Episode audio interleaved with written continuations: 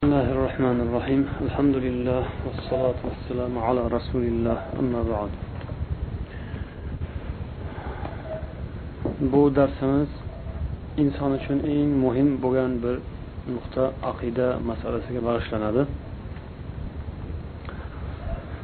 e'tiqod aqida hamma zamonlarda hamma makonlarda birinchi galda tilga olinadigan insonni boshqa ibodatlarini qabul yoki qabul bo'lmasligiga sabab bo'ladigan eng muhim masala. Shuning uchun ham payg'ambarlarning hammalarini birinchi da'vatlari shu e'tiqodga aqidaga bo'lgan. Hozirgi kunda ham bizni ham ahamiyat berishimiz kerak bo'lgan asosiy birinchi galdagi nuqta shu aqida masalasi bo'lmog'i darkor chunki payg'ambarimiz sollallohu alayhi vasallam hadislarida musulmonlar yetmish uch toifaga bo'lib ketishlari haqida bergan xabarlar hammamizga ma'lum. O'sha bir toifa ahli jannatlarni yo'llarini topish topish shu yo'ldan adashmasdan yurishni birinchi sharti shu e'tiqod aqidani to'g'ri anglab bilib shunga e'tiqod qilib yurish bilan bo'ladi. Insonni ibodati boshqa amallari yaxshi bo'lsa yo aqidasi yaxshi bo'lmasa demak u odam adashib qolishi va qilgan amallari qabul bo'lmasligi aniq.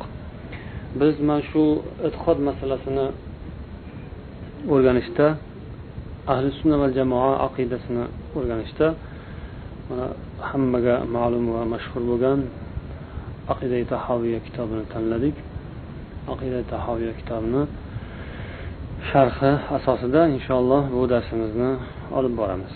Asoslanadigan kitobimiz shu sharh aqida tahoviya va buni inshaalloh boshqa manbalardan ham ba'zan foydalanishga to'g'ri kelib qolishi mumkin. Lekin asos mana shu kitob bo'ladi.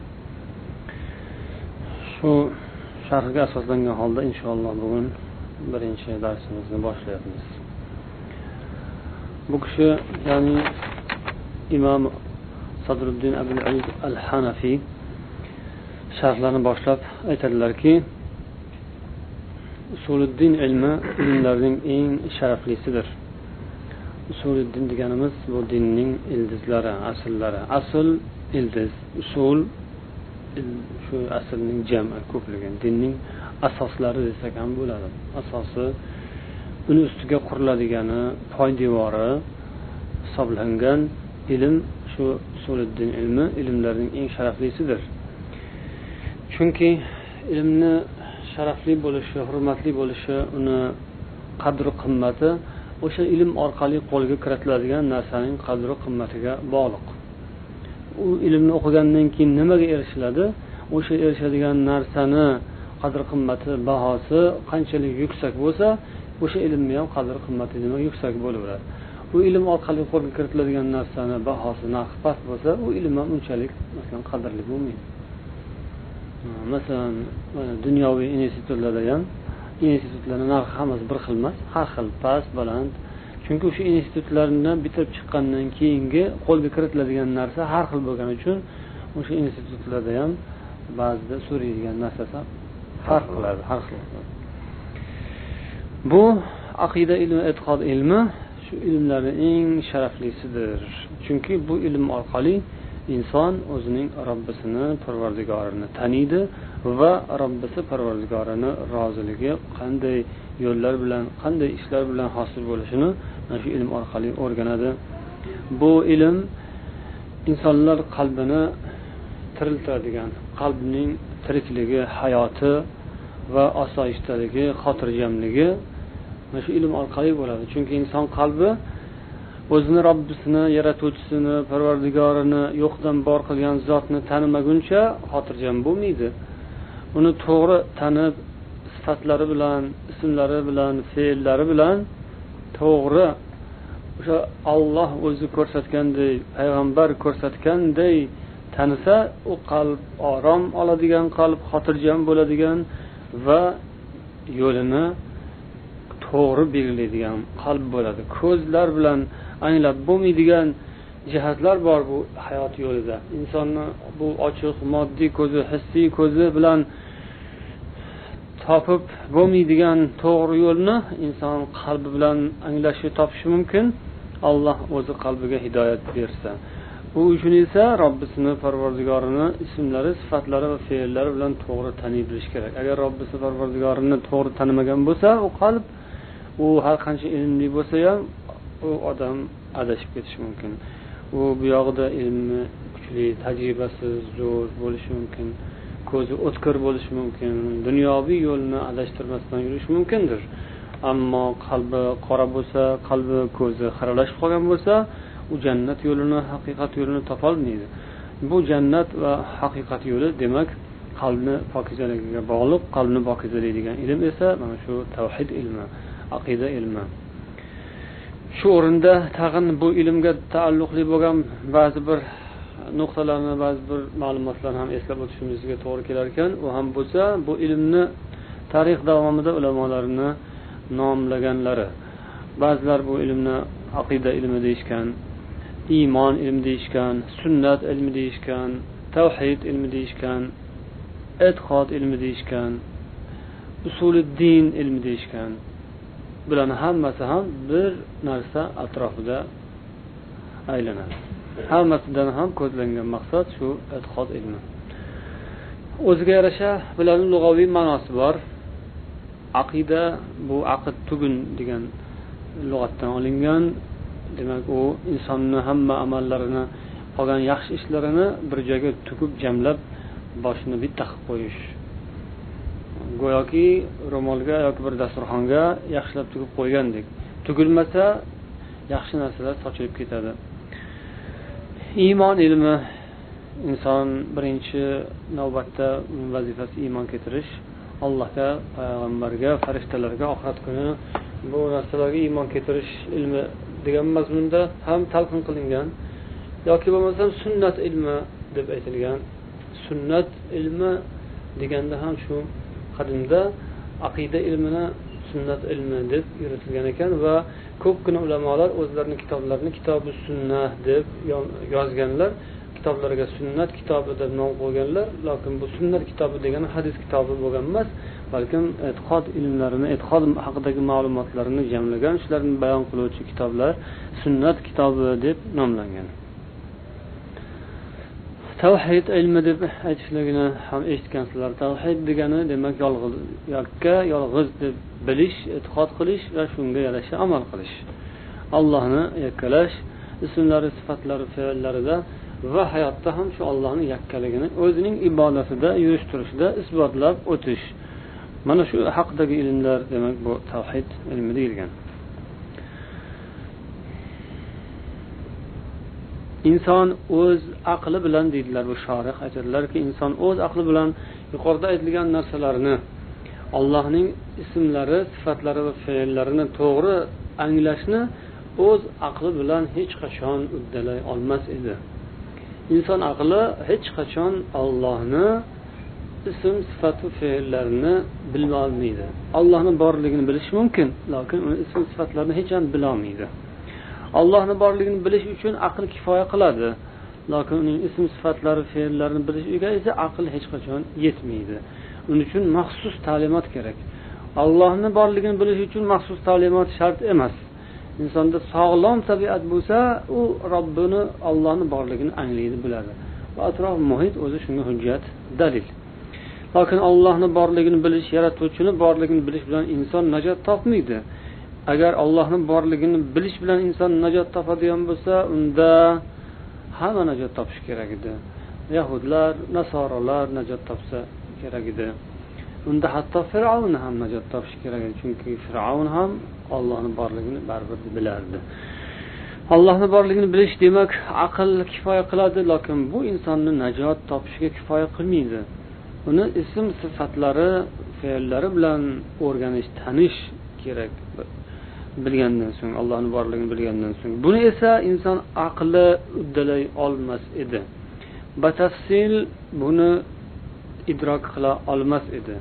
Shuning uchun ham hammaga mehribon rahmdil bo'lgan zot alloh taolo o'zi rahmati tufaylidan insonlarga mehribonlik qilib payg'ambarlar yubordi.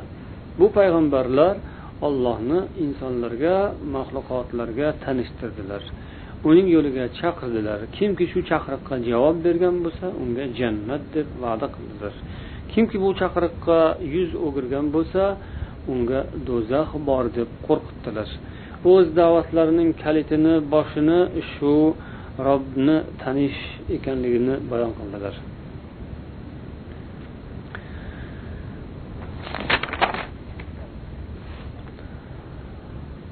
Bu yuqorida aytganimizdek alloh taoloni tanish bu inson qalbiga hayot baxsh etadi shuning uchun ham qur'oni karimda alloh taolo mo'min surasining o'n beshinchi oyatida أعوذ بالله من الشيطان الرجيم يلقي الروح من أمره على من يشاء من عباده deb marhamat qilgan O'z ishidan alloh taolo ruhni xohlagan bandalarga bandalardan xohlagan kishiga alloh nasib etadi deydi. Bu yerda alloh taolo hidoyatni ruh deb aytdi. Ya'ni haq yo'l iymon e'tiqod hidoyatni alloh ruh dedi.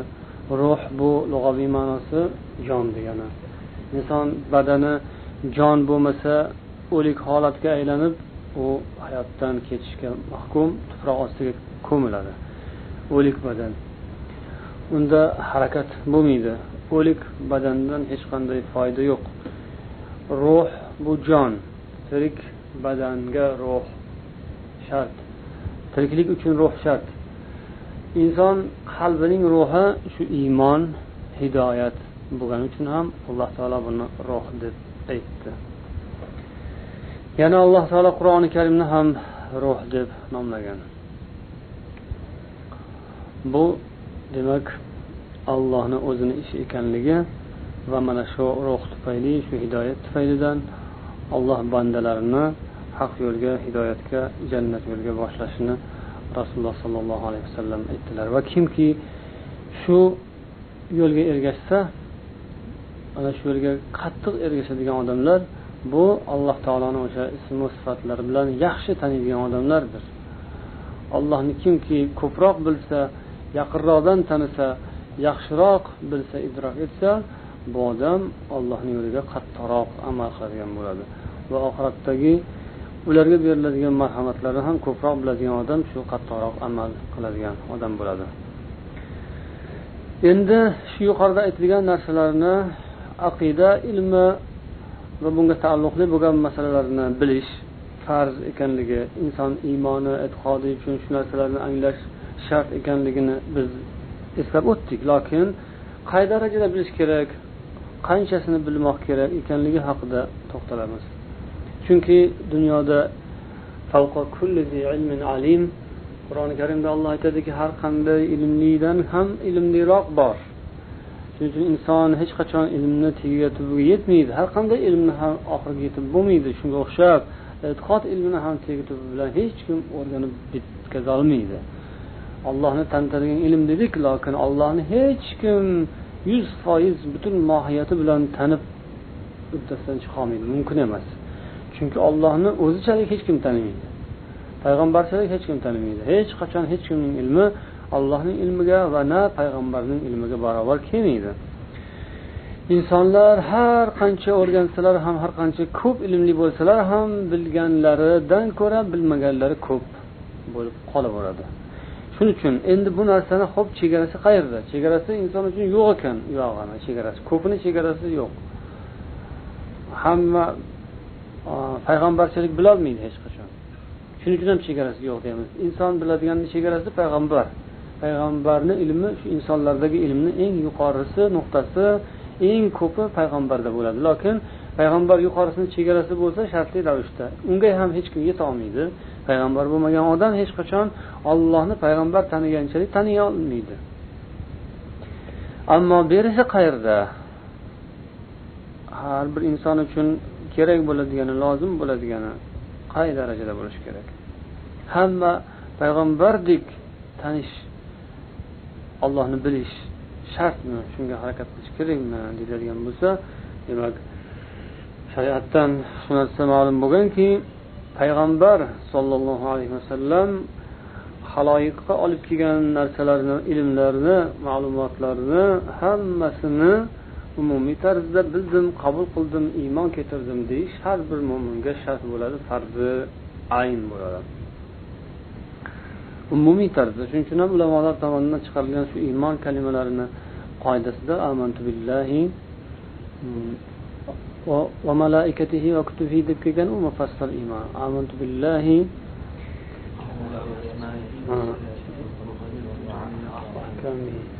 Bu narsa shu iymoni mujmal deb qo'yilgan ya'ni ijmoliy tarzda iymon keltirish. Mujmal degani tushunarsiz degani emas o'zbekchada mujmal gapirdi desa tushunarsiz gapirdi degan ma'noda aytiladi lekin aslida bu arabcha so'z bo'lib mujmal degani jamlab mm, uni qisqa qilib qisqa muxtasar qilib aytish degani umumiy qilib aytib qo'yish degani. O'sha ijmoliy iymon ham shunaqa umumiy tarzda iymon keltirish bu o'sha tartibi shunaqa bo'ladiki allohni hamma ism sifatlariga payg'ambar qanday olib kelgan bo'lsalar hech bir kamaytirmasdan ko'paytirmasdan rasululloh sollallohu alayhi vasallam olib kelganlariday iymon keltirdim deyish. Rasululloh qanday tushungan bo'lsalar o'shanday rasulullohni tushunchalaridagi ma'lumotlar ilmlarga man hammasiga iymon keltirdim deyish. Holbuki shunaqa deyotgan odam hammasini bilmaydi. Lokin bilmasa ham shunaqa deyishi shart bo'ladi. Bu iymoni mujmal bu farzi ayn bo'ladi. Yana uni davomida keyin maloikalari kitoblari payg'ambarlari deyiladi iymon mufassal. Bu tarzda ham iymon keltiriladi bu ham farzi ayn bo'ladi. Lokin mufassal iymon keltirish mufassal bilish gap bu yerda iymon keltirish ijmoliy tarzda mufassal tarzda bo'ladi. Lokin bilim haqida ketyotgandi gap.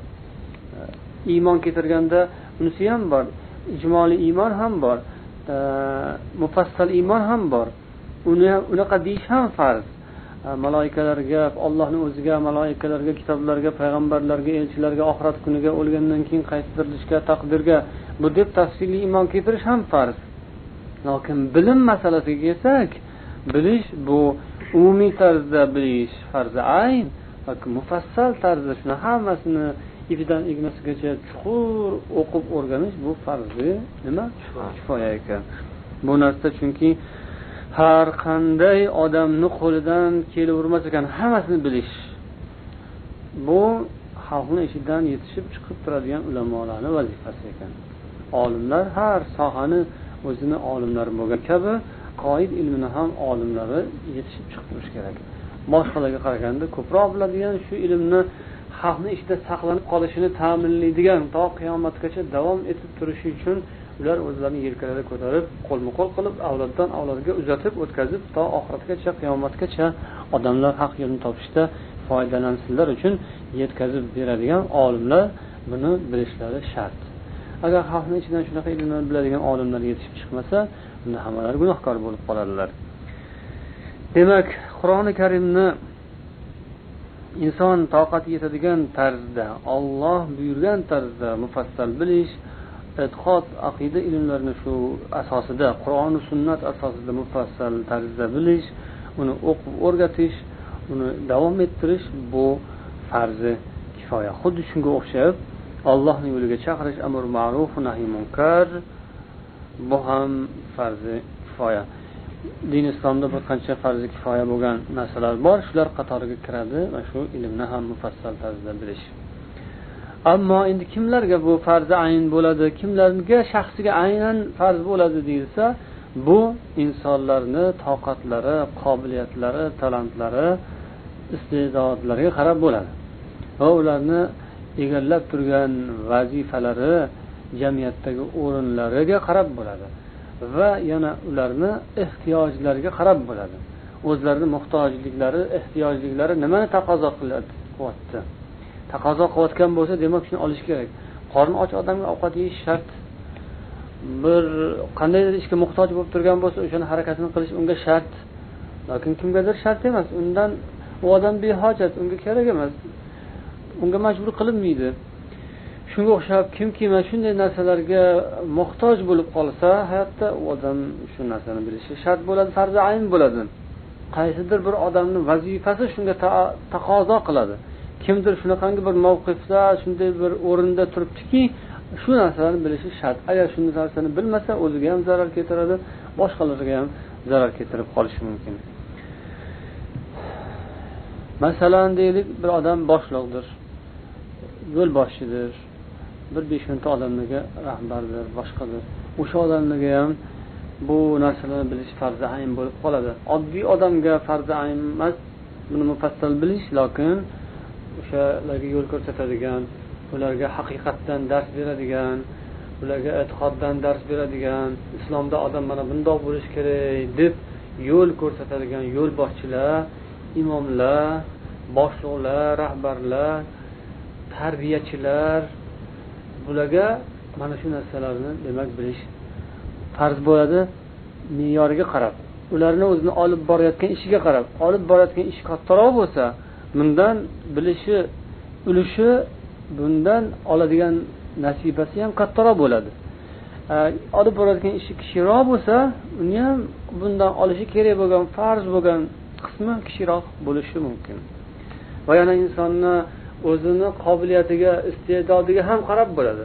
Qaysidir bir odam uning qobiliyati shunaqa yaxshi tasavvur doirasi keng aqli yaxshi ishlaydi ko'p narsaga yetadi fikri doirasi keng ko'p narsani anglaydi idrok qila biladi. Zehni ham yaxshi xotirasi ham yaxshi. Va uni hali taqozo qilib turgan vaziyati ham shunga to'g'ri keladi. Bu odam demak shuni qilish kerak. Qaysidir bir odamda esa shu narsaga imkoniyati yo'q vaqti yo'q.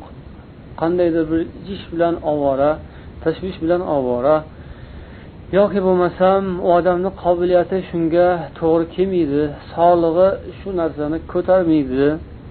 Yoki bo'lmasam shuni har qancha o'rgansa ham aqli fikri ko'pda qabul qilavermaydi uncha tushunolmaydi. Bu odamga bu narsani farzi ayn deyilmaydi. U umumiy tarzda bilsinda namozi ro'zasi ibodati kundalik musulmonchilik turmushiga zarur keladigan narsani bilsa bo'ldi. Oddiy bir musulmon kishi sifatida qilishi shart bo'lgan farzi ayn bo'lgan ibodatlari borku. O'sha ibodatlarni ilmini bilsin unga farzi ayn. Ammo undan ortig'iga kuchi yetmasa qurbi yetmasa u kattalikka katta narsaga davo ham qilmasin. U ko'p narsani bilishga yoki ko'p narsani qilishga davo qilmasinda ozrog'i bilan kifoyalanib o'sha bilan davom etsin. Unga ko'p narsa farz bo'lmaydi.